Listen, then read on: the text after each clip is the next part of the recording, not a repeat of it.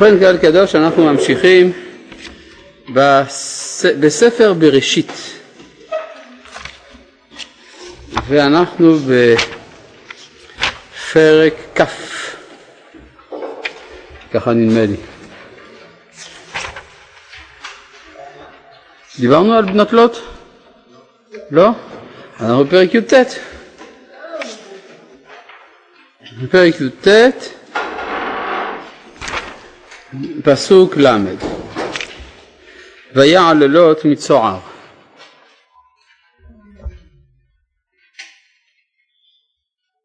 וישב בהר ושתי בנותיו עמו כי ירא לשבת בצוער וישב בהר, במערה, הוא ושתי בנותיו. יש פה שאלה מתבקשת. לפני כן לוט אומר למלאכים שהוא לא רוצה לעלות ההרה, פן תדבקהו הרעה ומת. ולכן הוא מבקש שיעשה עמו חסד מיוחד, שלא תהפך העיר צוהר, כדי שיוכל לשבת בצוהר.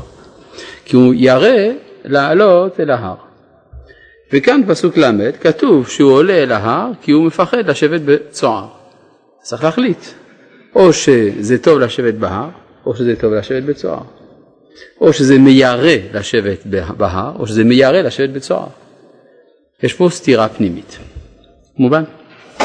ובכן מוכרחים לומר שבאמת זה בעיה לשבת בצוהר וזה גם בעיה לשבת בהר ולכן צריך לשבת באמצע.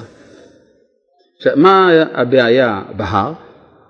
בהר אנחנו מבינים שלפי מה שרש"י הסביר שלוט איננו יכול להתמודד מבחינה מוסרית עם המדרגה של אברהם.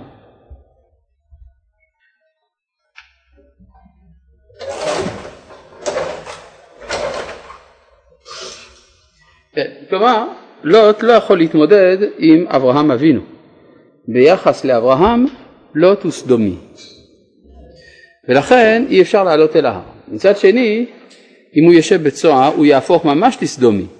כי ביחס, לסדום, ביחס לסדום, או ביחס לצוהר, לוט הוא אברהמי. כלומר, הוא אישיות אמצעית כזאת. אישיות אמצעית איננה יכולה לשבת בקצוות. לכן הוא יושב בהר, אבל איפה בהר? במערה. איפה נמצאת המערה? מה? באמצע. בין צוהר לבין הפסגה. הרי אפשר לעשות פסג... מערה בפסגה. אז ברור אם כן שהמערה נמצאת במורד ההר. שזה בדיוק מצבו, המעמדו המוסרי של, של לוט. הוא אמצעי בין זה לבין זה. בסדר? הוא קצת אברהמי, קצת סדומי. נשאלת השאלה, מה זה להיות אברהמי? חסד. מה זה להיות סדומי? אגואיזם. הפוך. עכשיו יש פה בעיה, הרי אנחנו רואים גם שלוט באמת כך נהג. נהג רצה לעשות חסד עם אנשי סדום. איך? נותן להם את בנותיו. יש איזה בעיה. על כל פנים, האישיות הזאת צריכה להתברר. ותאמר, פסוק ל"א, ותאמר הבכירה אל הצעירה, אבינו זקן,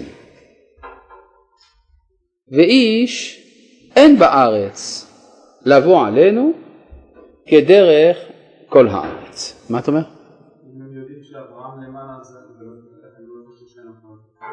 אני עוד לא יודע מה הפסוק אומר, אתה מקשה על הפסוק, אני עוד לא הספקתי לגמור לקרוא את המילה האחרונה של הפסוק. אני, לא, לא, אני עוד לא יודע מה הפסוק אומר, לך יש לך כבר קושיות על הפסוק, אתה מהיר מאוד, יותר ממני. אז רק רגע, הבכירה אומרת על הצעירה, אבינו זקן, זה נכון, ואיש אין בארץ לבוא עלינו כדרך כל הארץ. מה פירוש הביטוי הזה? איש אין בארץ לבוא עלינו. האם הכוונה שהם חשבו שאין אדם בעולם? ברור שלא. הרי אם הם עלו מצוער, הם עכשיו במעלה ההר, גם בלי לדעת שאברהם אבינו נמצא למעלה, הם רואים שלא כל העולם חרב. ערי הכיכר חרבו, אבל מי אמר שכל הכיכר, שכל העולם חרב? פה זה צריך להבין מה זה הביטוי הזה, איש אין בארץ לבוא עלינו. לבוא על איננו הביטוי המקובל בעברית תנ"כית בשביל יחסי אישות. יחסי אישות בתנ"ך זה נקרא לבוא אל. כי ייקח איש אישה ובא אליה. כן, או הווה את אשתי כי מלאו ימיי ואבוה אליה. אתה אומר שאני מזייף פסוקים, זה מה שאתה אומר. אתה אומר שאני אני, אני אמרתי אליה, ואתה אומר, זה, מה, זה נכון מה שאתה אומר? אז מה זה אומר? שאני... אבל זה שאתה עכשיו טעית זה לא אומר שאני טועה. אתה אומר שאני...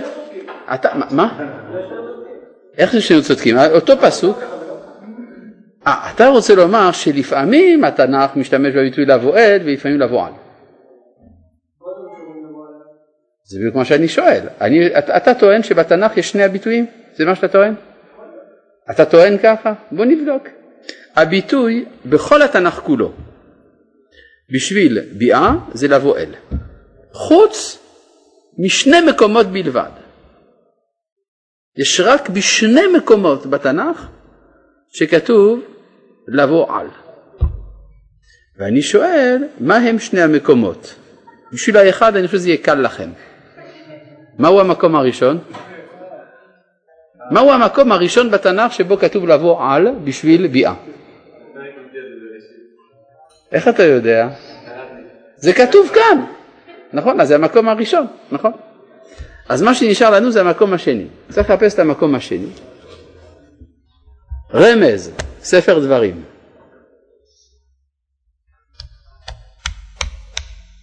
רמז, פרשת כי תצא. נו, איפה כתוב לבוא על?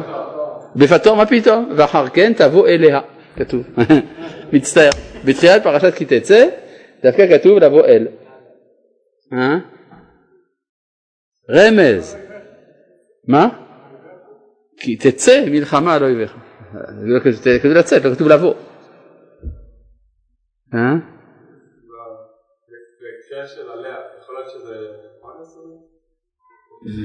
לא, זה לא מה שהן מבקשות, נכון? לא אבל זה לא מה ש... אבל הן אומרות, אין איש שיבוא בארץ לבוא עלינו, זה לא, לא, זה לא עובד. נו, רמז, סוף פרשת כי תצא. אה? השבויה, השבויה זה בתחילת פרשת כי תצא, ושם כתוב תבוא אליה, לא כתוב תבוא עליה. בנערה מאורסה כתוב ובא אליה. יפה! איך יצא לך? אה, שמעת את השיעור. יפה. אז בייבום כתוב כי ישבו אחים יחדיו ומת אחד מהם אה, ובן אין לו לא תהיה אשת המת החוצה לאיש זר יבמה יבוא עליה וייבמה. כלומר הביטוי לבוא על מופיע כאן ובייבום. מדוע בייבום נאמר לבוא על ולא לבוא אל, שזה הביטוי המקובל? כי על פירושו בנוסף. כן? אחד הגיע על הכלים שלו, כלומר הוא הגיע, הגיע האינסטלטור על כליו, מה זה על כליו? יחד עם כליו. זאת אומרת, יבמה יבוא עליה בנוסף לבעל הקודם שנפטר, בנוסף יבמה יבוא גם כן עליה. זאת אומרת שלבוא על זה פעולה שנאמרת בייבום. עכשיו אם כך, מה? אה? לא הבנתי. ברות ובועז? לא, לא, כי זה לא היה ייבום, זה הגאולה. עכשיו, אה, אם כך, מה? מה הבעיה?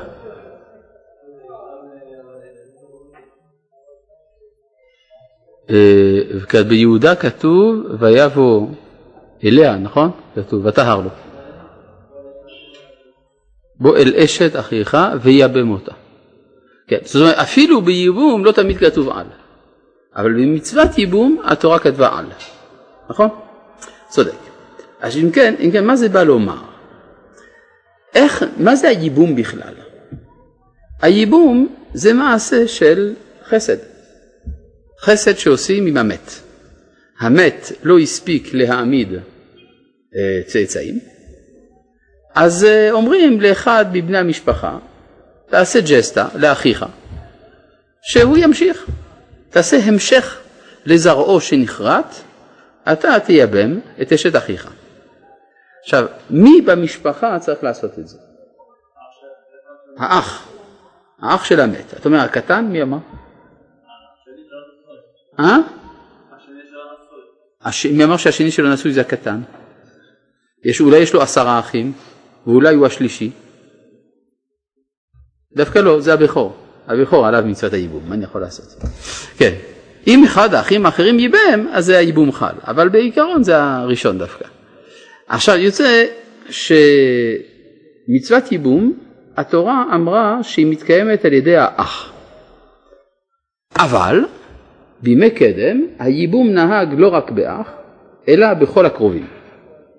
שהרי כאשר תמר אשת יהודה, וכלכלת יהודה, רואה שהיא לא מתייבמת לאח של המת, ראתה כי גדל שלה והיא לא ניתנה לו לאישה, אז היא מפתה את יהודה, אבי בעלה, שהוא יקיים את מצוות הייבום. זאת אומרת שהייבום בימי קדם, לפני מתן תורה, היה נוהג בכל הקרובים כולם.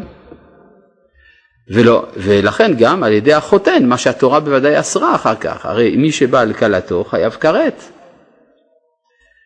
דבר נוסף, התורה גם נתנה אפשרות להיפטר מזה. זה נקרא מצוות חליצה. כן? אמנם אה, זה חידוש, מה לא חייבים אה, אה, חליצה, אבל מי שרוצה יכול לחלוץ. אבל לפני מתן תורה, הייבום היה נעשה בכל הקרובים כולם. הנה יש פה שאלה, בספר ויקרא י"ח י"ח, ואישה אל אחותה לא תיקח לצרור לגלות ערוותה עליה בחייה. נכון, זה בדיוק העניין. עליה בנוסף לה. כן, כי הרי זה בדיוק דומה לסיפור של הייבום בכיוון ההפוך. הרי אשת אח, אחות אשתו מותרת אחרי מות אשתו. ולכן יש פה משהו שהוא מעין הייבום שנאסר בחייה של אשתו, כמו שגם אסור לקחת את אשת אחיו אם אחיו חי. בדיוק. אז אם כך, אנחנו רואים שהייבום היה נוהג בכל הקרובים, כי בעצם כשאישה הייתה מתחתנת, הייתה מתחתנת לא רק עם בעלה, הייתה מתחתנת באופן וירטואלי עם כל המשפחה כולה. זה שהיא באופן ספציפי מכל המשפחה לוקחת דווקא את בעלה, זה פרט, אבל אם הפרט הזה בטל, אז אפשר להמשיך עם שאר המשפחה. עכשיו יוצא לפי זה שאפשר להבין את בנות לוט. בנות לוט אומרות, רגע, מה קרה עכשיו לסדום? סדום כולה נחרבה. אנחנו הסדומיות האחרונות בעולם. מה נעשה? יש לנו חובה מוסרית להמשיך את סדום. צריך לעשות חסד עם המתים. אין עוד סדומי בעולם. אין איש בארץ, איש אין בארץ לבוא עלינו כדרך כל הארץ. אי אפשר לקיים את המצווה הזאת כי אין לנו סדומי אחד בעולם חוץ מאבא. כלומר לוט הוא הסדומי האחרון, הוא היחיד במשפחה שיכול לקיים את המצווה של הייבום. כן. מה שכותב פה שהן סבורות שכל העולם כמו דור. נכון. נכון. מה, זה, רש"י כתב את זה, נכון, אתה צודק. רש"י כתב. עכשיו, אה, לא, לא, לא חולק על דבריך, ודאי, רש"י כתב מה שאמרת. עכשיו, אה, אם כך הן אומרות, אין מי שיקיים את מצוות הייבום. אז הברירה היחידה זה לוט, אבל אולי לוט לא יסכים. אולי בגלל שזה מגונה, בכל זאת, ביתו, בכל זאת לא מתאים כל כך. לכן הן מוצאות פתרון. לך נשקה את אבינו יין ונשכבה עמו ונחיה מאבינו זרע. ותשקנה את אבינו יין בלילה ההוא וכו'. עכשיו יש פה כמה דברים מאוד מעניינים. אה, חז"ל אמרו, הרי סך הכל מה, מהבחירה יצאה, אה, מה יצא? רות, נכון? מה אתה אומר? מה אתה רוצה?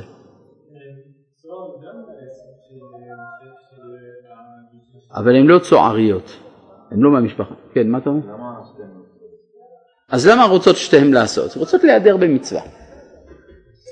כן, הרי מהראשונה יצאה רות המואביה. רות, נולד ממנה בן בשם, מה? עובד, ישי, יש לכם עוד איזה, דוד, תחליטו. אה? מי הבן של רות? עובד, בטוח? יאללה, מי הבן של עובד? מה? עובד, יפה, כל הכבוד. הבן של עובד? הבן של ישי? הבן של דוד? שלמה. אשתו של שלמה? נעמה העמונית. כלומר, מהבת השנייה יצאה נעמה העמונית. מה הפרש הדורות בין כניסת מואב לישראל לבין כניסת עמון לישראל? ארבע דורות, נכון? אומרת הגמרא, בזכות לילה אחד שקדמה הבכירה לצעירה, קדמו בניה ארבע דורות בישראל. מה זה בזכות? אז סימן שזה מצווה. הם רצו לקיים מצווה, ולכן מצד זה מגיע להם יישר כוח. אגב, יש עוד משהו מעניין, מאיפה היה להם יין? פתאום יין, איפה יש יין? יין מסדום? זה מה שהספיקו לקחת? אז רש"י כותב, לא יודע אם זה רש"י, רש"י כותב, כן, יין נזדמן להם במערה להוציא מהן שני אומות. כלומר שההשגחה העליונה סידרה שיש שם יין. אגב, איך הוא נזדמן לשם? איפה הוא הגיע היין הזה? אז, מה? מישהו החביא, אז במדרש כתוב שזה בא להם מגן עדן. הגיע להם מגן עדן, שם היה איזה מנהרה, ככה איזה פתח בין גן עדן למערה, ושם זה התגלגל, ככה דום דום דום דום הגיע שלם למערה. בסדר? מה זה היין בגן עדן? זה עץ הדעת. נכון? הרי יש דעה שאומרת עץ הדעת גפן היה. ובכלל בעדן יש יין המשומר בענביו, אז זה חתיכת יין, לא סתם יין. אז היין הזה, הוא אפשר להם לקיים את המצווה, לפחות ההשגחה העליונה התערבה בזה, כן. כן, נכון. לא שומע, מה את אומרת? ש? שלילה.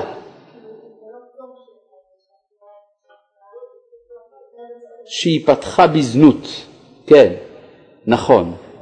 זאת אומרת שרש"י אה, פירש את זה באופן של גנאי, נכון? באופן של גנאי. אבל יש גם רש"י על ותשקנה, יין נזדמן להם במערה. ומה נעשה עם דברי המדרש שבזכות לילה אחד שקדמה צעירה, שבכירה לצעירה קדמו בניה ארבע דורות בישראל. אז גם אם נקבל את דברי הגנות של רש"י, נוכל להגיד, מצד רש"י ודאי יסכים שכוונה טובה יש כאן. להוציא שתי אומות וכולי, זה לא סתם, נכון? זה דבר גדול. זאת כוונה טובה, לכן הבחירה קדמה בישראל. הבחירה ילדה את רות, נכון? בסדר. מה? כן. אה? היום אנחנו לא מקיימים מצוות ייבום? חס וחלילה, מי אמר שלא מקיימים מצוות ייבום? מה, יש מצווה בתורה שאנחנו פטורים ממנה? מי אמר שלא מקיימים מצוות ייבום?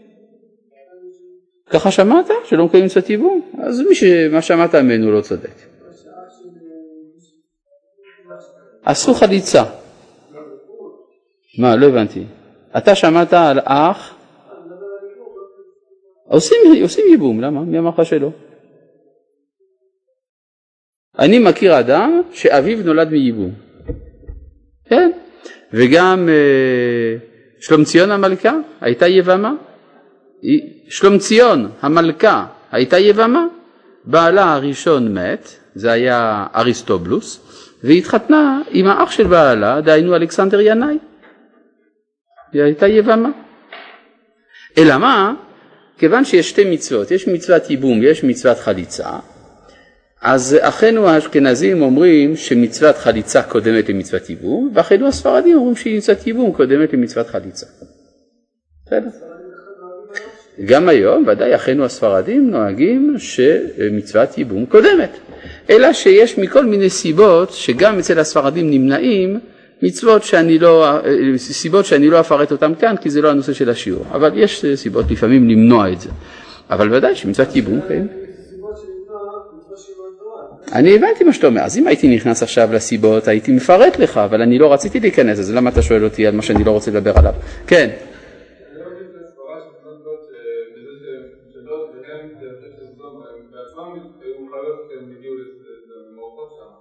אתה אומר, אה, זאת אומרת, הם לא, לא נולדו בסדום, אז מה בכלל הבעיה?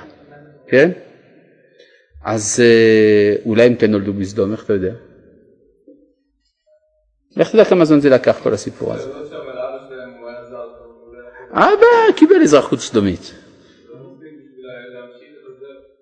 זה מה שנשאר, זה מה שעושים. בסדר? גם האימא שלהם הייתה סדומית, נכון? אז יש כוונה כזאת, על כל פנים להמשיך את סדום באיזושהי צורה, ואז הן עושות את זה. כן, ברור, כן. אה, פה השאלה היא באמת מתבקשת מאוד. אתה הולך לעשות חסד עם המתים, אבל איזה מתים אלה? זה המתים הגרועים ביותר שיש בעולם, שטוב שהם מתו. אז יש פה בעיה. כן, מה אתה אומר?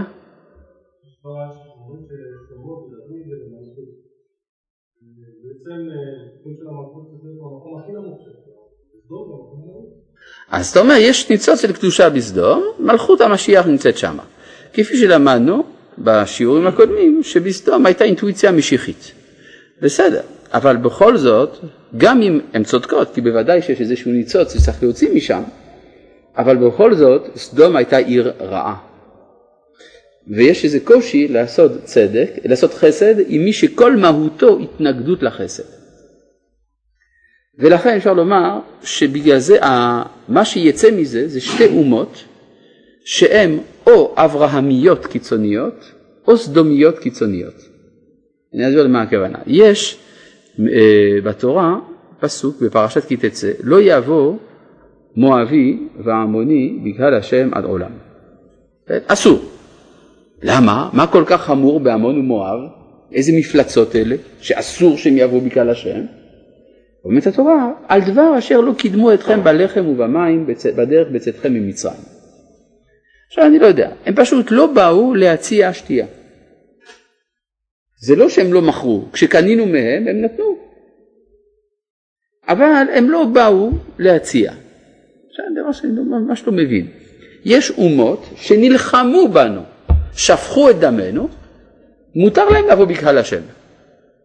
אלה, מה סך הכל? הם לא הביאו, לא יזמו להביא לחם ומים. מה זה אומר? דווקא בסדום ועמורה, אם הם לא מתנהגים כאברהם, סימן שהם בחרו להתנהג כסדום. כי הם תולדה של מעשה כפול, מעשה של חסד עם האכזריות. ולכן מי שלא נוקט אצלם בחסד, נוקט באכזריות. ולכן נפסלו מלבוא בקהל השם, עד שבאה רות המואביה, שמה היא עשתה? חסד. שמעתי כי עשית חסד עם חמותך וחסד עם החיים ועם המתים, אז זה, אז זה גואל אותה מהמואביות.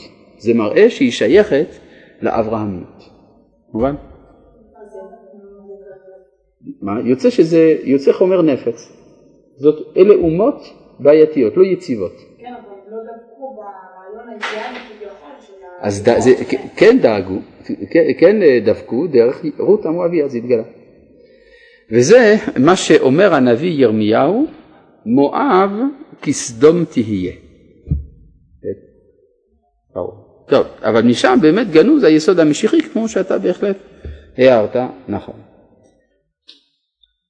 אה, פסוק ל"ז, פסוק ל"ו, ותהרנה שתי בנות לוט מאביהן, ותלד הבכירה בן ותקרא שמו מואב, הוא אבי מואב עד היום, והצעירה גם ילדה בן, ותקרא שמו בן עמי, הוא אבי בני עמון עד היום.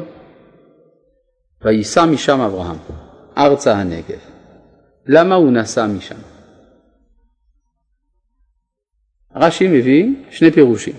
פירוש אחד, וייסע משם אברהם כשראה שחרבו הכרכים ופסקו העוברים והשבים נסע לו משם. כלומר אברהם ממשיך במסורת של מידת החסד, הוא רוצה לקבל אורחים.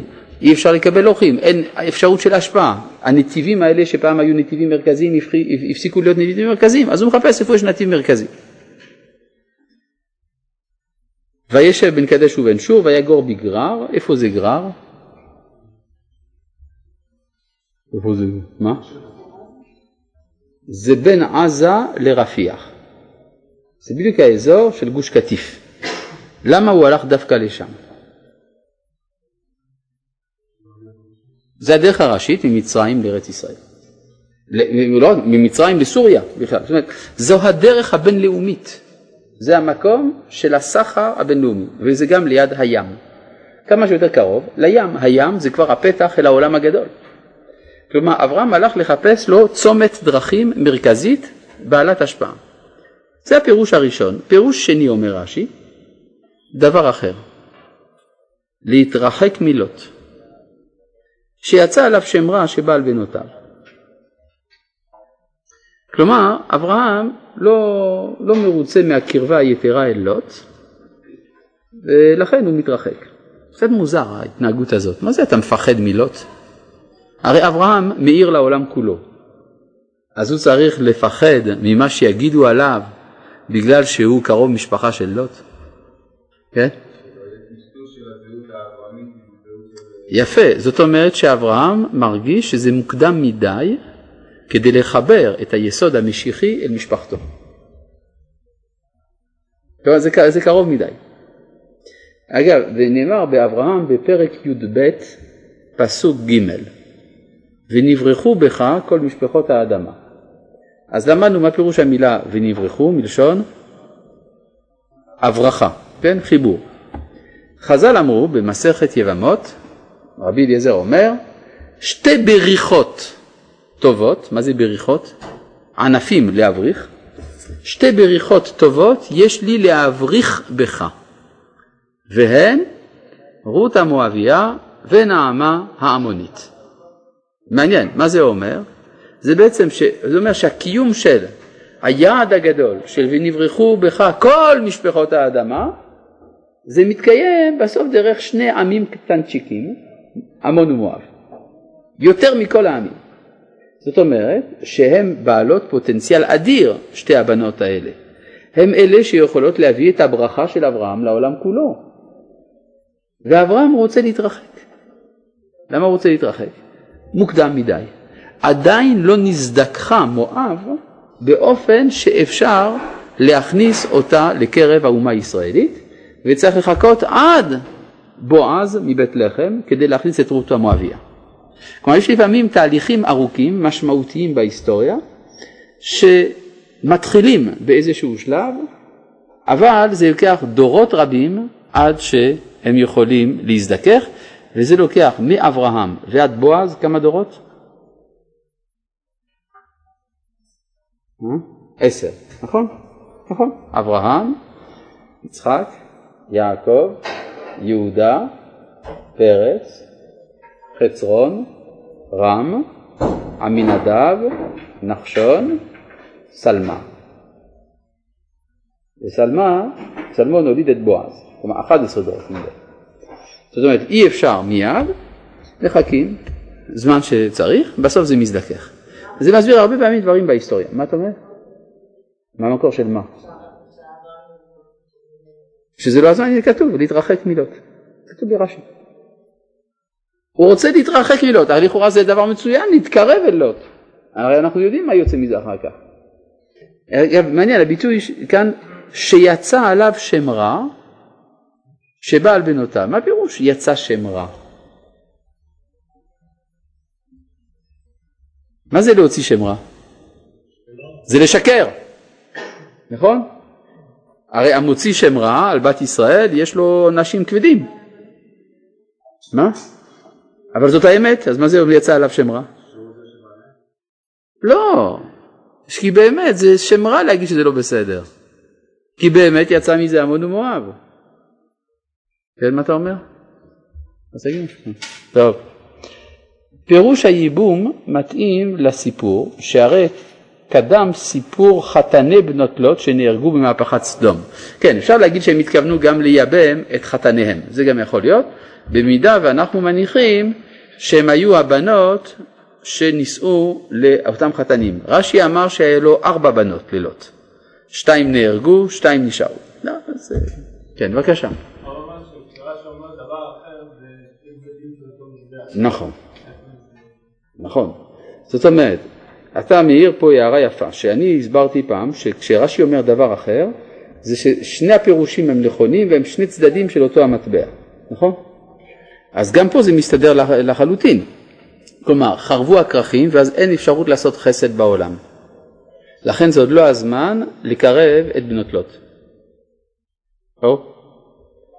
כלומר, הסדומיות מורגשת הרבה עדיין. כן. אז למה מואבית כן יכולה לבוא? ואני שואל על השאלה שלך, למה מה שהסברתי על רות המואביה לא טוב? מדוע מה שאני הסברתי שהיא עשתה חסד, דווקא זה לא טוב? הרי זה הפירוש, שאני, מה?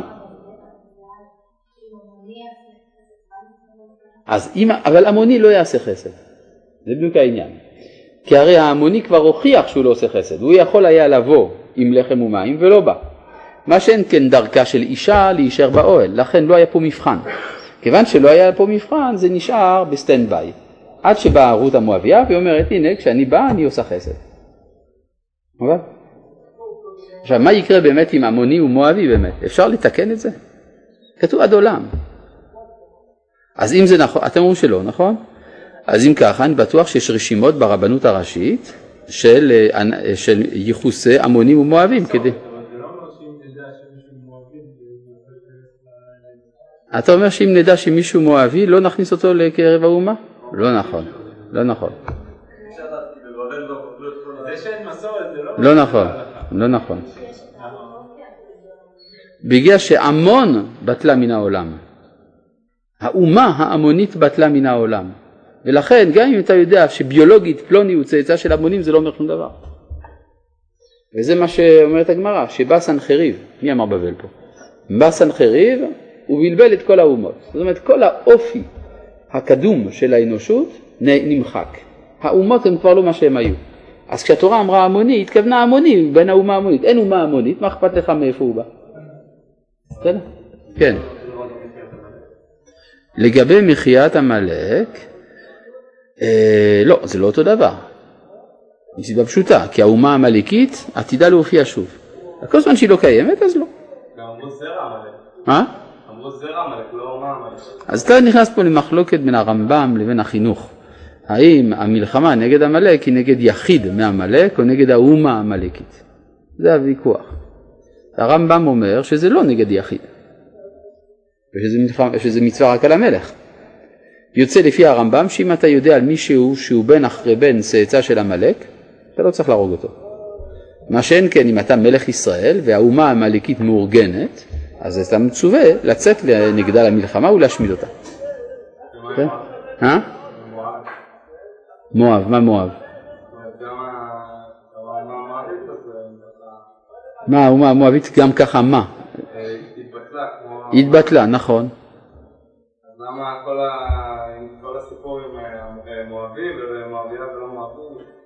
מה הסיפור עם מואבי ולא מואבית? מה, לא מבין את השאלה שלך בכלל. אם אין כבר אומה מואבית כמו שאין אומה המונית, אז מה העניין אה, להתחיל אה, לשפוט את רות? אני לא מבין. אתה אומר שהשאלה אם להכניס את רות לקהל זה שאלה אקטואלית שקרתה בזמן האחרון? אחרי שבטלה האומה המואבית? כלומר, אתה אומר, אתה שואל אותי למה יש בכלל, אם מואב בטלה, אני חוזר על השאלה שלך, אומרת, אם מואב בטלה, אז למה יש בעיה של צריך לעשות מואבי ולא מואבית ולהכניס את רות וכולי. כלומר, אתה מניח שכשהייתה שאלה אם להכניס את רות לקרב האומה, מואב כבר לא הייתה קיימת. זה מה שאתה מניח. כן, אתה מניח שמואב לא הייתה קיימת. אז אני פשוט לא מבין, צריך לקרוא במגילת רות. במגילת רות כתוב שהם יצאו אל שדה מואב וישבו שם. אז אם הם יצאו אל שדה מואב, אני מניח שהאומה המואבית הייתה קיימת.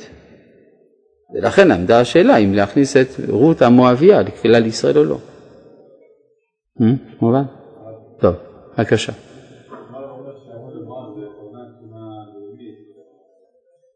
שבימים במילים אחרות, בזמן התנ"ך המדעין היו קיימים. כן, מה אתה אומר?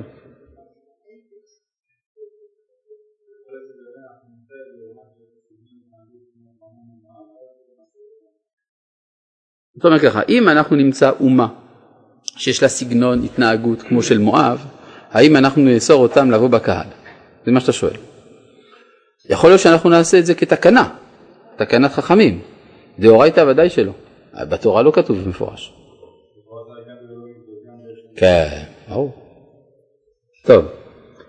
אה, השאלה, אתה שואל פה שאלה אמיתית, האם אפשר, האם אדם יכול להתמאב, כמו שאפשר להתגייר, האם אדם יכול להפוך למואבי? כן, זו שאלה. נגיד האומה המואבית קיימת, האם יש הליך של קבלת אזרחות מואבית ואז יהיה אסור לו לבוא בקהל? לא יודע, זה שאלות גדולות. האם מואביות זה עובר דרך האב או דרך האם או דרך שני ההורים דווקא? גם זה יש לדון. כן. למה על ידי דברים מלוכלכים יוצאים דברים טובים? למה על ידי דברים מלוכלכים יצאו דברים טובים? תשובה. בגלל זה, זה בדיוק העניין של הגאולה. שהגאולה זה גאולת הכל. ולכן מתחילים דווקא מן הקצוות היותר מרוחקים. לכן הגאולה גם באה מהאומה יותר מרוחקת. ברור. אלא מה? אנחנו לא יכולים ליזום תהליכים כאלה, אין לנו כוח. כן? כי אם אנחנו יוזמים הליכה אל הרע, אז הרע שואב אותנו. אבל ההשגחה יכולה לסדר שניצוצות יצאו מן הרע ויתקרבו אל הקודש. זה ההבדל בין שיטת שבתאי צבי לבין שיטת היהדות. שבתאי צבי אמר כיוון שיש בתוך הקליפות ניצוצות צריך ללכת אל הקליפות. וזה מה שהאשימו את הרב קוק, שהרב קוק שבתאי, ככה האשימו אותו. אמרו אתה אומר שמתוך הרע צומח טוב וכולי, אז זה בדיוק השיטה של שבתאי צבי. זה בכלל לא אותו הדבר. זה מצד ההשגחה, זה מצד היוזמה. אם אתם אוהבים את המילים בדיעבד ולכתחילה תשתמשו בזה. כן, בבקשה. עמלק זה גם רע. עמלק זה רע. נכון.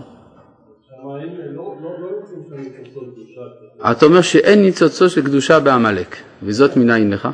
לא, אני שואל, אני אומר עובדה שקראתי, ואני שואל. אתה שואל עכשיו, זה כבר ש... זה אחרת מה שאמרת בהתחלה. בהתחלה אמרת בצורה פסקנית, אין ניצוצות של קדושה בעמלק. מה? עכשיו אתה שואל את השאלה החדשה, האם בעמלק יש ניצוצות של קדושה? זו השאלה שאתה שואל עכשיו? כן או לא? כן, ועוד שאלה. כן ועוד שאלה, והיא?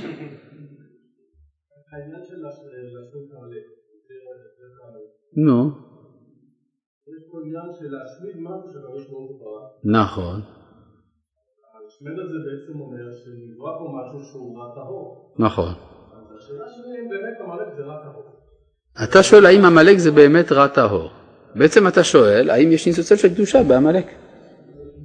אז זו אותה השאלה. השאלה השלישית היא זהה לשאלה השנייה. טוב, התשובה היא שבעמלק יש ניצוצות של קדושה. מבני בניו של המן לימדו תורה בבני ברק, מפורש. גמרא מפורשת.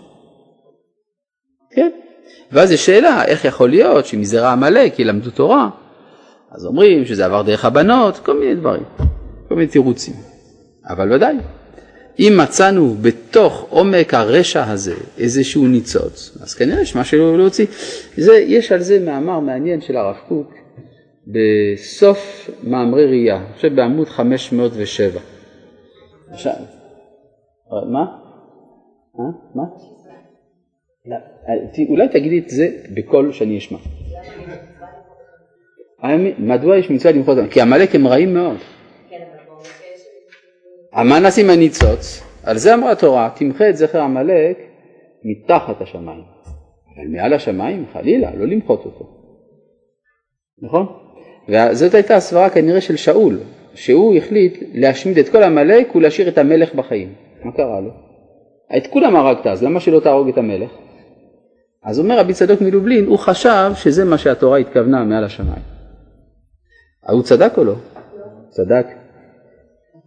והראיה שמזה בסוף יצא המן, ומהמן יצאו מבני בניו של המן שלימדו תורה בבני ברק. אז אם ככה יש. בסדר, אז זה כבר הרוח הקודש שלו קצת לא עבדה טוב. הוא לא צדק, הלכתית הוא לא צדק, אבל מצד ההשגחה הוא צדק.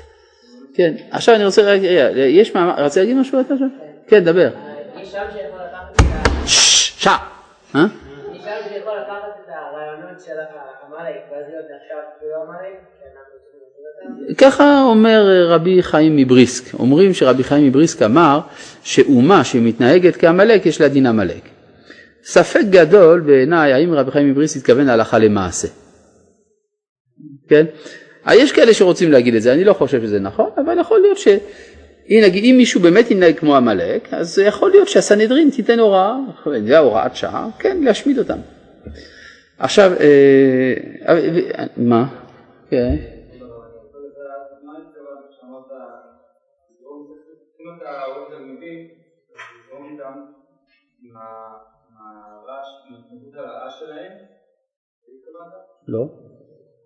מה התכוונת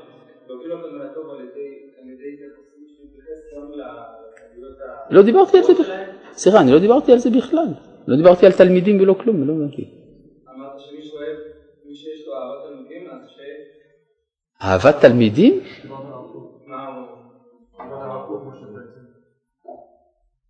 לא, לא. אני אמרתי משהו על הרב קוק שאני לא הספקתי עדיין להגיד אותו. התחלתי להגיד. לא, שהאשימו אותו כן, שהוא כמו שבתאי צבי, שהוא הולך בשיטה של שבתאי צבי, כן. למה? בגלל שראו שהוא אומר שיש בתוך הרע איזה ניצוצו של קודש שהולכים ומתעלים דרך החוצפה דקביתא דמשיחא. וזה הטעות, ש... ש... טעות בהבנה, הרב קוק לעומת שבתאי צבי, הרב קוק מסביר את התהליך, ואילו שבתאי צבי יוזם את התהליך. הוא יוזם לעשות עבירות. וזה הרב קוק לא אמר דווקא, אני חושב שהוא התנגד לעשיית עבירה. אקטיבית.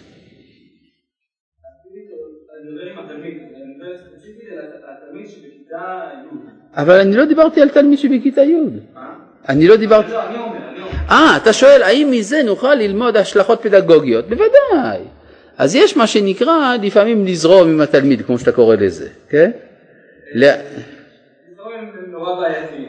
כן, אני מבין, אבל. מה, אתם מתעצבנים שם? הלו, הלו, תירגע. כן, נו, יש תלמידים בעייתיים מאוד, נו אז מה? נכון. אז זה כבר שאלה פדגוגית, כן? עד כמה אנחנו יכולים ללכת איתו או לא. טוב, אה, אצל אומות העולם יש עניין דהם לפי מקומם. טוב, לא הבנתי בדיוק, רומם היקר, אבל אני אשתדל. אה, למה דוד צריך להופיע מתוך מקרה כל כך מזעזע? טוב, כי זה בדיוק העניין של הגאולה, שהגאולה זה גאולת הכל, ולכן זה מתחיל מן הקצוות היותר רחוקים, ודווקא מן היותר רחוק, מן האומה היותר מרוחקת, מתחילים להתקרב, ואם היותר רחוק יכול להתקרב, אז גם כל מה שבאמצע ראוי הוא להתקרב, כן.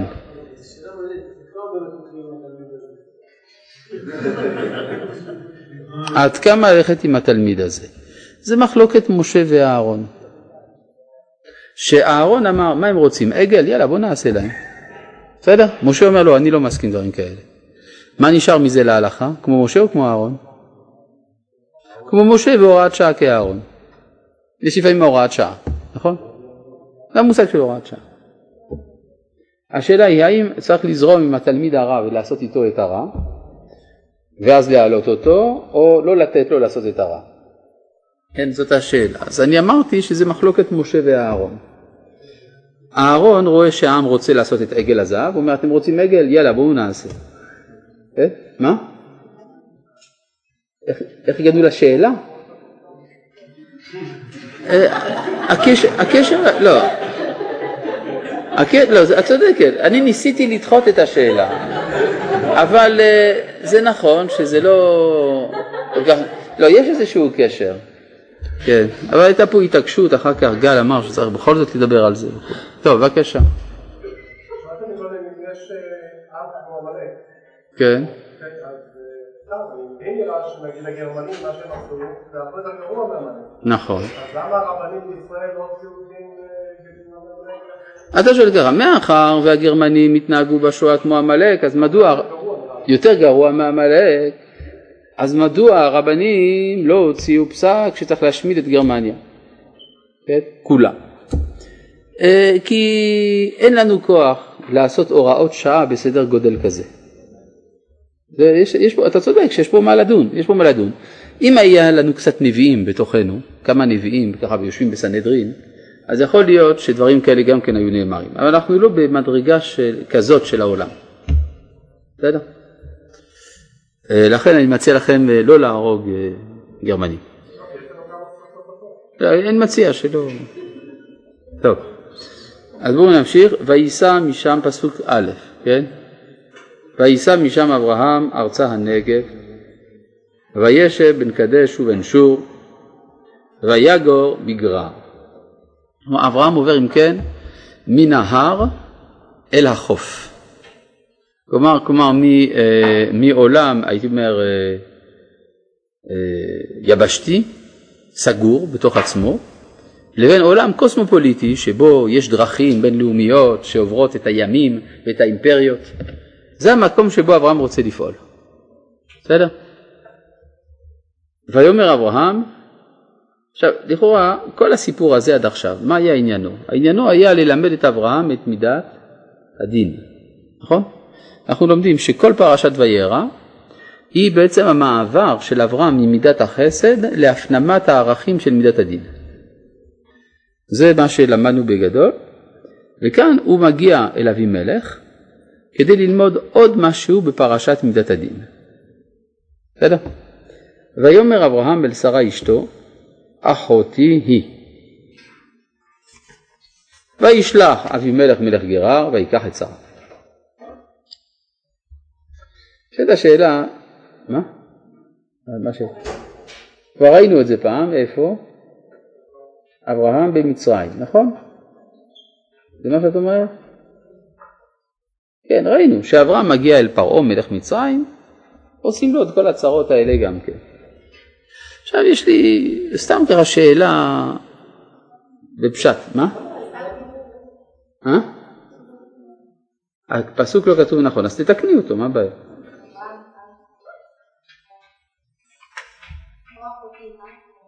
אה, מה זה אל שרה אשתו, כן? למה, אז רש"י כותב אל שרה אשתו, על שרה אשתו. נכון? שאל פירושו על, וכיוצא בו אל, אל יילקח הארון ועל מות אחיה.